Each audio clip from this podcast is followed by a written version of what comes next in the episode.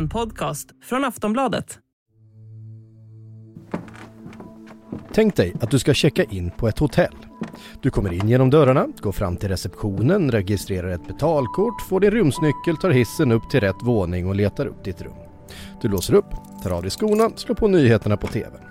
Tänk dig sen att du under hela den här processen följt med en person och noterat allt det som hänt och allt annat som du kanske inte noterat i en lång lista med alla detaljer.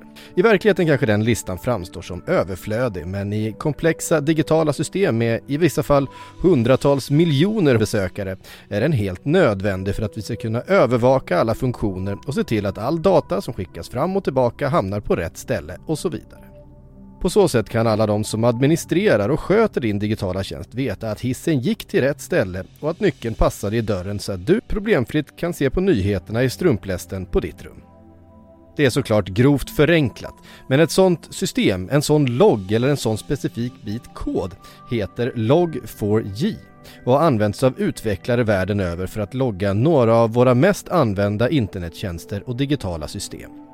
I förra veckan upptäcktes ett säkerhetshål i just det systemet. En lucka i den kod som är tänkt att logga all information kunde utnyttjas för att göra intrång direkt i de system där Log4j används. Ett säkerhetshål som fått namnet Log4Shell och som kommer få enorma globala konsekvenser. National Vulnerability Database har klassat säkerhetsrisken som 10,0 på en skala från 0 till 10.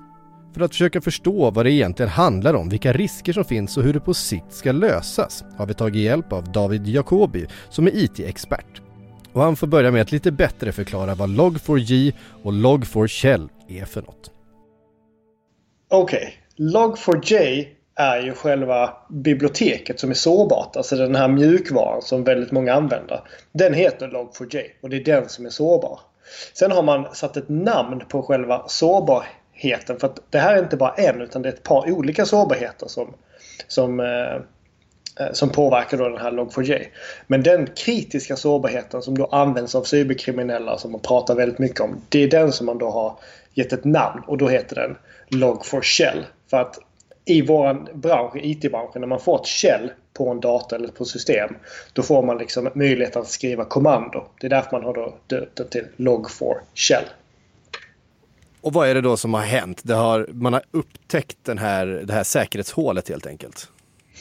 Ja, och man kan ju tycka så här, ah, men det är lite speciellt att man eh, hela världen pratar om ett, ett, ett säkerhetshål, en sårbarhet. För vi upptäcker ju sårbarheter och säkerhetshål hela tiden. Men den här är väldigt speciell för att den påverkar så ofantligt många system. Och den är så otroligt lätt att utnyttja för de som vill liksom hacka via den här sårbarheten. Så att inte bara med att den är väldigt kritisk, den är då som sagt väldigt lätt att skapa cybervapen av. Vilket liksom man såg bara några timmar efter sårbarheten blev publik så började man se att eh, i loggsystem runt om i världen eh, att eh, man börjar utnyttja den här sårbarheten.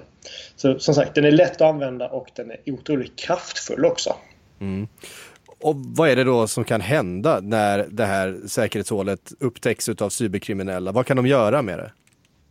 Ja, alltså det är en ganska intressant fråga. Jag tror inte riktigt vi vet exakt vad, man, vad konsekvenserna kommer att bli. Vi vet ju de tekniska bitarna med den här sårbarheten. Att de som utnyttjar sårbarheten kan köra vilket kommando som helst på det systemet som är sårbart. Men vad betyder då det i, i faktum? Vad, vad är liksom konsekvenserna av att köra kommando på ett system? Jo, du kan ju ladda in skadlig kod.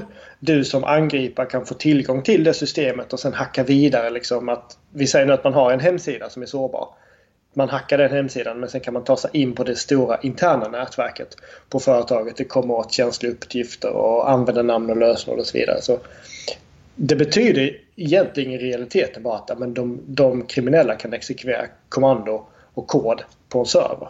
Men eh, det här kommer gå djupare in för att vad jag har sett och, vad jag förutspår lite är att det här kommer också påverka Alltså system som man kanske inte riktigt hade tänkt sig. System som har den här loggfunktionen i sig. Och utan att veta helt och hållet så, så gissar jag nu med att det kan till exempel vara kritisk infrastruktur.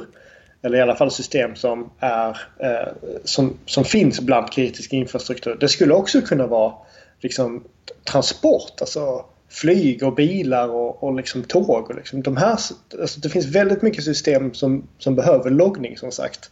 Så det här påverkar liksom inte bara vet, spelservrar eller, eller sociala medieappar runt om på, på nätet utan det påverkar otroligt många andra saker runt om i världen. Om du skulle sätta det här i någon, någon slags eh, kontext, en historisk kontext, hur stort är det här avslöjandet? Hur stort är det här problemet? Alltså det är... På engelska skulle man kunna säga något så här, It doesn't get any, any worse. Alltså det, det blir inte så mycket värre än, än det här om jag ska vara helt eh, ärlig. Um, vi har ju sett sårbarheter med, med liknande dignitet tidigare. Och, och de blev fixade ganska snabbt. Liksom att man täppte till uh, de, den här sårbarheten på de mest uh, kritiska systemen, de största systemen. Men det man också ser det är att det finns så många system där ute som inte går att uppdatera av olika anledningar. Det kan vara system som man inte utvecklar längre men de finns ändå ute i, i produktion, finns liksom i riktiga världen. Det kan kanske finnas medicinsk utrustning som man liksom inte bara du vet, uppdaterar med en knapptryckning. Det kanske finns styrsystem som sitter helt isolerade, att man måste fysiskt åka dit för att kunna uppdatera dem. Sen har vi liksom sårbarheter som vi har sett tidigare också i, i tv-apparater, liksom i IoT-enheter, uppkopplade prylar. Där leverantören har sagt att nej men vi, vi supporterar inte den här versionen längre utan vi har ju eh, liksom 30 nya versioner redan så det där är gammalt. Att det finns mycket legacy, att det finns gammal utrustning ute som inte uppdateras överhuvudtaget. Men som fortfarande kan använda den här Log4j eller då andra typer av, av mjukvara. Mm. Och, och sen det som gör det här så otroligt komplicerat, den här sårbarheten. Det är att sårbarheten ligger liksom inte i en produkt som man har köpt som man behöver fixa utan den här funktionen används ju när man utvecklar sin egen mjukvara kan man säga. Istället för att återskapa hjulet varje gång. Så när man behöver ha till exempel eh, ett, en loggningsfunktion. Då kan man använda sig av till exempel Log4j i sin egen mjukvara. Och när du som konsument går och köper liksom ett system, men då, du har ju liksom inte kontroll över den mjukvaran. Och så är det på företag också. Man köper kanske en tjänst eller mjukvara och stoppar in på, på nätverket. Det enda du kan göra är liksom installera de säkerhetspatcharna som den leverantören eh, erbjuder.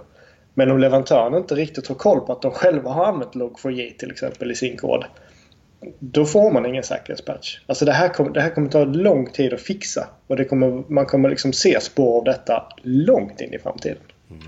Så faran är inte över nu bara för att man har hittat själva, själva luckan? Faran är långt ifrån över, det skulle jag säga. Alltså att vi har hittat luckan, det gör man väldigt snabbt. Men det handlar om att täppa till luckan. Och det här ligger på så, så djupt in i systemen på, på många liksom, eh, saker runt om. Att man inte bara kan fixa. För att du som, vi säger du är IT-chef eller, eller du är konsument. Eller framförallt IT-chef eller liksom ansvarig för IT-säkerheten på ett företag. Du kan ju inte fixa det här problemet för att du har inte tillgång till produktens eh, källkod. Du har köpt en produkt men du har ju inte möjlighet att fixa den och uppdatera de komponenterna som den mjukvaran har.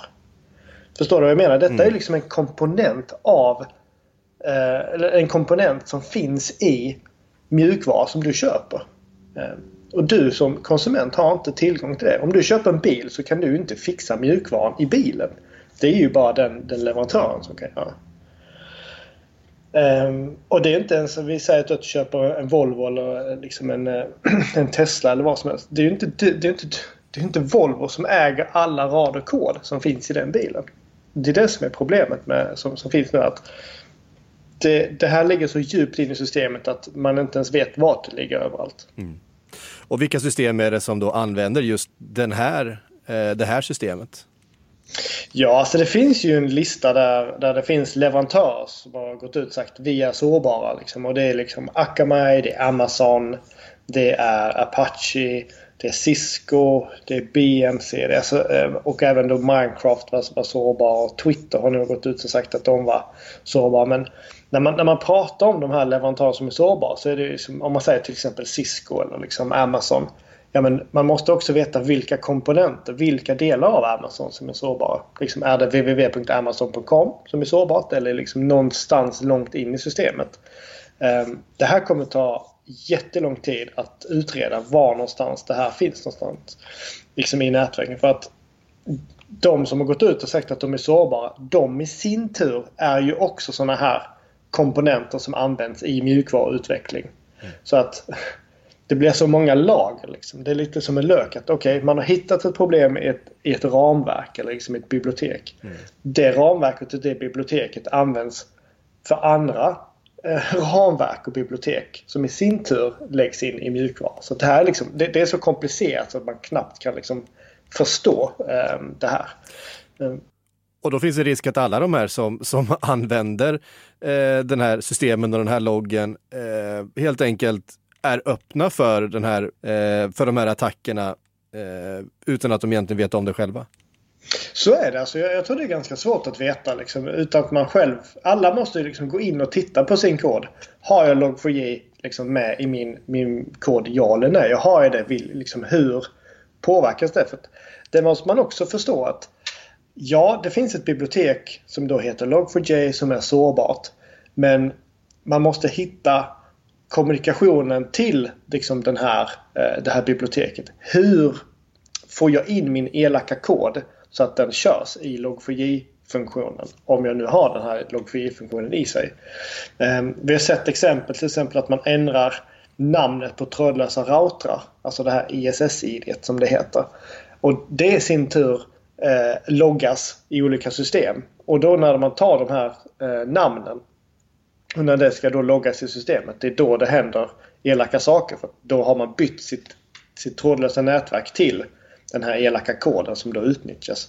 Och det kan man liksom ändra på alla möjliga sätt. Tänk, tänk alla saker som du ser på nätet som, som kanske loggas. Namn, IP-nummer, vilken webbläsare du har, var du, vilket land du kommer ifrån. Ehm, liksom allting som är, all data som är så kallad dynamisk som går att påverka kan potentiellt vara den vägen in som, som, som gör att de kriminella kan utnyttja den här sårbarheten. Så det, det är otroligt komplicerat och väldigt svårt att fixa det här.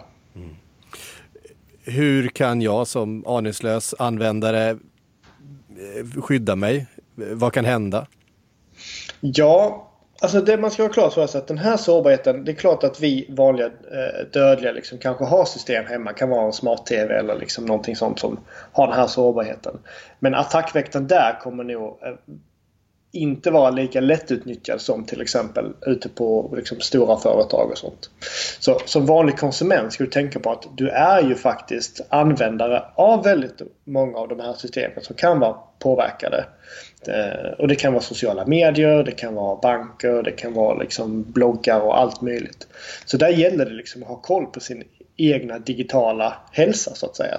Okej, okay, vi vet om att vi inte ska ha samma lösenord överallt till exempel. Och detta är ett sånt extremt bra exempel. Där man säger att här är det jätteviktigt att du inte har samma lösenord överallt. För att vi kommer se väldigt stora sajter som blir hackade. Ehm, på grund av den här sårbarheten. Och då vill man ju undvika att den informationen som du har på den sajten som har blivit hackad, att den inte ska leda någon annanstans. Så det gäller liksom sagt att ta hand om din, din egen digitala hygien. Att du har liksom ett bra digitalt självförsvar här. Mm. Och då är lösenorden en sån väldigt enkel sak som man själv kan, kan göra till exempel. Mm. För, för lösenord kommer läcka på grund av det här. Så är det bara. Eh, vad, vad, tror du, om du får spekulera, vad kan det här få då för, för konsekvenser? Vad kan vi se för typ av attacker framöver som är följd av det här? Ja, alltså om man tittar då på den underjordiska ekonomin så ser man väldigt tydligt att det finns olika grupperingar av cyberkriminella. Vissa cyberkriminella, det enda de gör, deras funktion liksom i det här eh, ekosystemet är att attackera system, installera en bakdörr och sen sälja den bakdörren till kanske högstbjudande eller till bara de som vill ha tillgång till de här systemen. Och beroende på vilka som då köper access in till de olika systemen. Vissa kanske utför ransomware-attacker. Vissa använder det för att stjäla känslig data till exempel. Och vissa kanske utför liksom phishing-mail ifrån de hackade systemen. Så att det finns liksom olika komponenter i, i den, den, den underjordiska ekonomin. Um, och man ser inte de riktiga konsekvenserna förrän de börjar utnyttja de där bakdörrarna och de systemen som har blivit hackade och den där liksom, någonting som vi, som vi inte ser idag till exempel, som jag tror kommer se framöver. Det är att det är väldigt många stora sajter som blivit hackade. Deras användarnamn och lösenord, alltså deras databaser, kommer publiceras på svarta marknaden. Med hjälp av den informationen kommer man då kunna hacka ännu fler system. Så att det blir liksom sådana här ringar på vattnet. Och, och, idag kan vi bara se att cyberkriminella aktivt utnyttjar sårbarheten. Vi kan inte riktigt se exakt till vad ännu. Eller hur, vilka konsekvenser det här kommer ha. Eller vilka som faktiskt har lyckats liksom hacka några system via den här. Men hela säkerhetsbranschen globalt i hela världen tittar ju på detta just nu. Så att eh, förhoppningsvis så kommer vi ha mer information inom kort. Men, men vi kan se i våra system till exempel att till och med svenska företag är drabbade av det här. Så det är, liksom en, det är ett globalt problem. Det är ingen som går säkert. Och även myndigheter kan man tänka sig, inte bara företag. All, alla som är uppkopplade på internet är ju påverkade på ett eller annat sätt. Och det gäller ju liksom myndigheter och kritisk infrastruktur och liksom det, det, kan vara, det kan vara vad som helst som är påverkad av det här. Mm. Men det gäller ju som sagt att man har den här log4j biblioteket på någon mjukvara. Så det är liksom bara för att du är uppkopplad på internet så är det inte så att du är sårbar. Du måste ju använda den här mjukvaran också såklart. Intervjuade i dagens avsnitt var David Jacobi, IT-expert. Mitt namn är Patrik Syk och Aftonbladet Daily är tillbaka på måndag igen. Trevlig helg! Du har lyssnat på en podcast från Aftonbladet. Ansvarig utgivare är Lena K Samuelsson. Quality sleep is essential for boosting energy, recovery and well-being. So, take your sleep to the next level with Sleep Number. With a Sleep Number smart bed, you can individualize your comfort level and enjoy a better sleep night after night. JD Power ranks Sleep Number number 1 in customer satisfaction with mattresses purchased in-store. And now the Queen Sleep Number C4 smart bed is only $1,599, a saving of $300 only for a limited time. For JD Power 2023 award information, visit jdpower.com/awards. Only at Sleep Number stores or sleepnumber.com.